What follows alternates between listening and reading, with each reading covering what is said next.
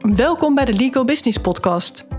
De podcast voor advocaten en legal professionals met passie voor het vak en de ambitie om zich verder te ontwikkelen op businessvlak. Ik ben Marloes Kuipers en in deze podcast deel ik waardevolle tips, inzichten en strategieën die jou gaan helpen om het maximale uit je carrière of kantoor te halen.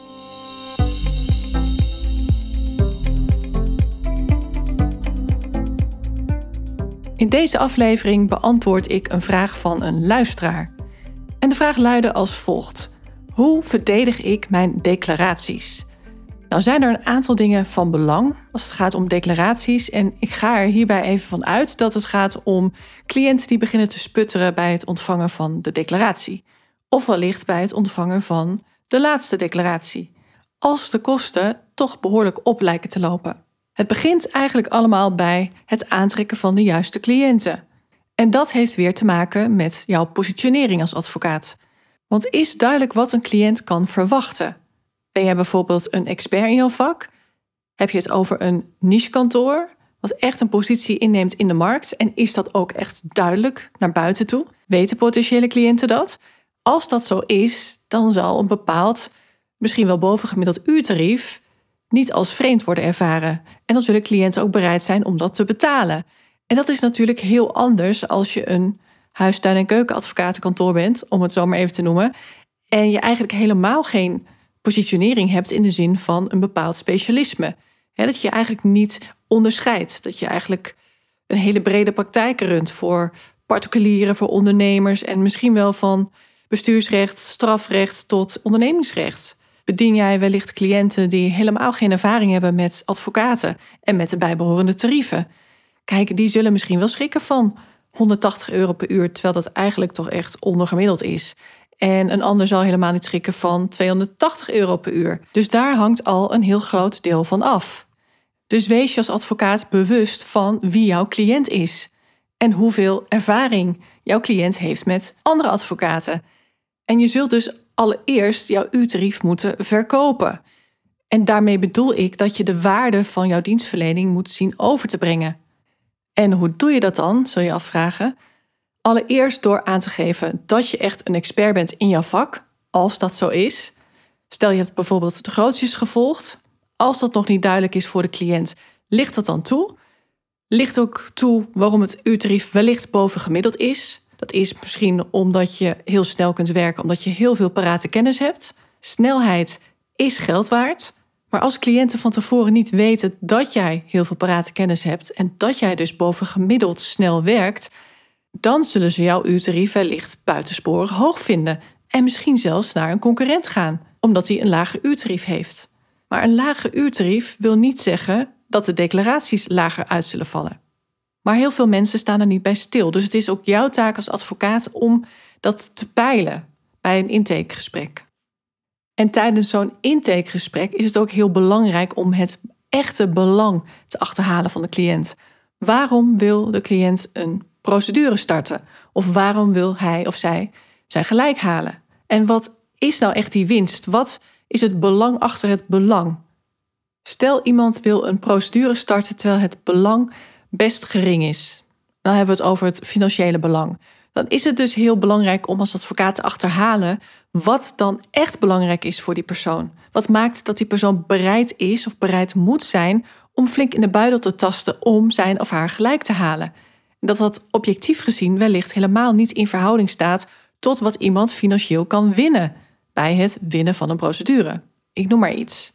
Achterhaal je dat belang nou niet dan kan het zijn dat een cliënt gedurende de samenwerking en vooral gedurende een procedure waarin van alles kan gebeuren, toch van mening verandert. En achteraf, dus bij het moeten betalen van de declaraties, zoiets heeft van: hé, hey, maar dit is helemaal niet in verhouding. Als ik dit had geweten, dan was ik er nooit aan begonnen.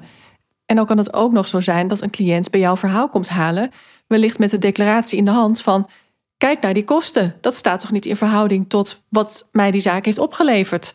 En dan kun jij zo'n cliënt herinneren aan dat gesprek wat je met hem of haar hebt gehad, waarin de cliënt aangaf dat heel iets anders belangrijk was voor hem of haar. Dat het misschien niet eens zozeer ging om een financiële tegemoetkoming of om een vergoeding van iets, maar dat het veel meer ging om een principe kwestie. Dat hij toen van oordeel was dat hij die ander daar absoluut niet meer weg wilde laten komen, omdat het al de zoveelste keer was. Maar die scherpe kantjes die kunnen er gaandeweg vanaf gaan en dat de cliënt dat ook niet meer weet en alleen maar kijkt naar wat het financieel heeft opgeleverd. En als dat teleurstellend is, ja, dan kan het zijn dat de declaratie daar wel heel nadelig bij afsteekt. Laat ik in dit kader ook maar een voorbeeld noemen uit mijn eigen praktijk als advocaat. Ik was toen nog advocaat-stagiaire en ik zat op de praktijkgroep insolventierecht. Maar er kwam via mijn netwerk een zaak bij mij terecht van een modezaak. Het was een exclusieve modezaak en het ging over wanprestatie. Er waren kledingstukken geleverd die niet waren besteld en het was een zooitje. Uiteindelijk mocht ik de zaak innemen en er vond een bespreking plaats op kantoor. Uiteraard had ik ze gevraagd om alle relevante stukken mee te nemen. Nou, op de spreektafel werd een map leeggeschud met allemaal facturen, creditnota's, invoices, fotjes. Ze zagen er echt niet meer uit. Koffievlekken, ezelsoren, noem maar op. Uiteindelijk zat er natuurlijk niets anders op dan dat ik alles zelf zou gaan narekenen. Maar wat er was gebeurd was dat er kledingstukken waren geleverd die niet waren besteld. Bijvoorbeeld een jurk met korte mouwen werd geleverd met lange mouwen. Kledingstukken werden geleverd in de verkeerde kleur of in de verkeerde maat, noem maar op. Nou, wat hebben ze dus gedaan? Ze hebben gebeld met de leverancier en uiteindelijk hebben ze alles wat niet besteld was, hebben ze gewoon teruggebracht. Ze zijn naar Amsterdam gereden en daar hebben ze gewoon alles achtergelaten wat niet was besteld. Maar, het zal je niet verbazen, ze hebben daar geen bewijs van. Ze hebben geen bewijs van wat ze daar weer hebben afgeleverd. En daar begint de ellende natuurlijk. Zij konden niet bewijzen dat niet is geleverd wat was besteld, maar ze konden ook niet bewijzen dat ze hadden teruggebracht wat niet goed was geleverd. Dus bewijstechnisch was dit geen makkelijke zaak. Maar gelukkig bleek de leverancier er ook een zootje van te hebben qua administratie. Want bepaalde facturen die mijn cliënten wel in de bezit hadden en die ze wel moesten betalen, die bleek de leverancier niet eens te hebben. Dus ik kreeg een overzicht van alle facturen die betaald moesten worden, waar cliënten het deels mee eens waren, maar dus deels ook mee oneens waren. Maar er zaten ook een aantal facturen niet bij die mijn cliënten wel aan mij hadden laten zien facturen waarvan zij zeiden: ja, deze moeten we gewoon betalen. Dus uiteindelijk heb ik daar gebruik van gemaakt en heb ik natuurlijk niet die facturen zelf ingebracht. Wat niet weet, wat niet deert. Als zij er een zootje van hebben, nou ja, dat is dat voordeel van mijn cliënt. Dus uiteindelijk zijn mijn cliënten er heel goed mee weggekomen. Ze hadden eigenlijk geen bewijs. Maar ik heb natuurlijk gebruik gemaakt van de administratieve wanorde bij de leverancier. En bovendien heel veel van mijn tijd zat in dat narekenen en er klopte geen bied van. Er klopte geen bied van. En als ik dus communiceer met de wederpartij met een berekening, dan moet die gewoon kloppen. Dus ik ben gaan puzzelen en passen en meten zodat het passend werd, zodat het klopte. Deze zaak heeft mij dus heel veel tijd gekost. Nou had ik nog een stagiaire tarief, dus dat valt relatief mee. Maar toch snap ik dat als je kijkt naar het belang van de zaak, dat ging over 8000 euro of iets dergelijks. Daar zat ook een paar duizend euro aan advocaatkosten bij. En dan snap ik dat dat voelt als zo, dat is even snel verdiend, omdat het natuurlijk om de buitengerechtelijke fase gaat. En inderdaad had ik mijn cliënt aan de telefoon toen de factuur eenmaal ontvangen was. En toen zei hij dat hij de kosten toch fors vond. Toen heb ik hem helemaal uitgelegd hoe zij de stukken hebben aangeleverd, wat de feiten waren, dus ook hoe zwak de zaak bewijstechnisch was de fouten die ze toch hebben gemaakt door geen heldere afspraken te maken en door al die kledingstukken, dus kapitalen, gewoon maar weer terug te brengen zonder enig bewijs en zonder echt overleg met de betreffende leverancier. Want ze hebben het gewoon op de locatie achtergelaten zonder op dat moment met iemand in gesprek te gaan en uit te leggen hoe het precies zit. En toen ik dat dus uitlegde aan de telefoon, toen begreep hij het ook en toen was het ook gewoon goed. Dus je zult je als advocaat altijd moeten verdiepen in de cliënt. Een cliënt die vindt dat hij altijd al gelijk had. Dus als een zaak tot een goed einde komt, vindt hij of zij dat niet meer dan logisch. En wordt soms de toegevoegde waarde van de advocaat onderschat, terwijl vaak een schikking niet bereikt wordt zonder tussenkomst van een advocaat. Zo werkt het nou eenmaal. Ik moet ineens ook denken aan een zaak van een van mijn klanten. Het gaat om een advocaat die uh, zich onder andere bezig gehad met erfrecht. En het ging om een zaak waarin zij stukken probeerde te krijgen van de wederpartij. Het ging om stukken die haar cliënt al lange tijd zelf probeerde te krijgen, maar dat lukte maar niet. Uiteindelijk is zij ook een kort geding gestart. En ze moest natuurlijk al aan het processtuk beginnen. Dat heeft ze ook afgestemd met haar cliënt. Vindt u het goed dat ik alvast begin aan dat processtuk? Ook al weet ik nog niet of die stukken op tijd zullen arriveren. Ja, die toestemming was er. Dus ze is eraan begonnen. Ze heeft er ook uren aan besteed. En jawel hoor, op de valreep, last minute, komen toch die stukken boven tafel. Waardoor het kortgeding niet meer nodig is. En toen ontstond bij haar cliënt het gevoel: ik wil die advocaatkosten wel graag terug hebben. Die wil ik terugvorderen, want die zijn eigenlijk onnodig geweest. En dat is dus maar de vraag. Want natuurlijk zijn die kosten niet onnodig geweest. Want die stukken kreeg de cliënt met geen mogelijkheid boven tafel. Die werden maar niet afgegeven. Maar pas toen zij een advocaat in de arm nam, die de communicatie overnam en er de dreiging was van een kort geding, pas toen zijn die stukken toch afgegeven.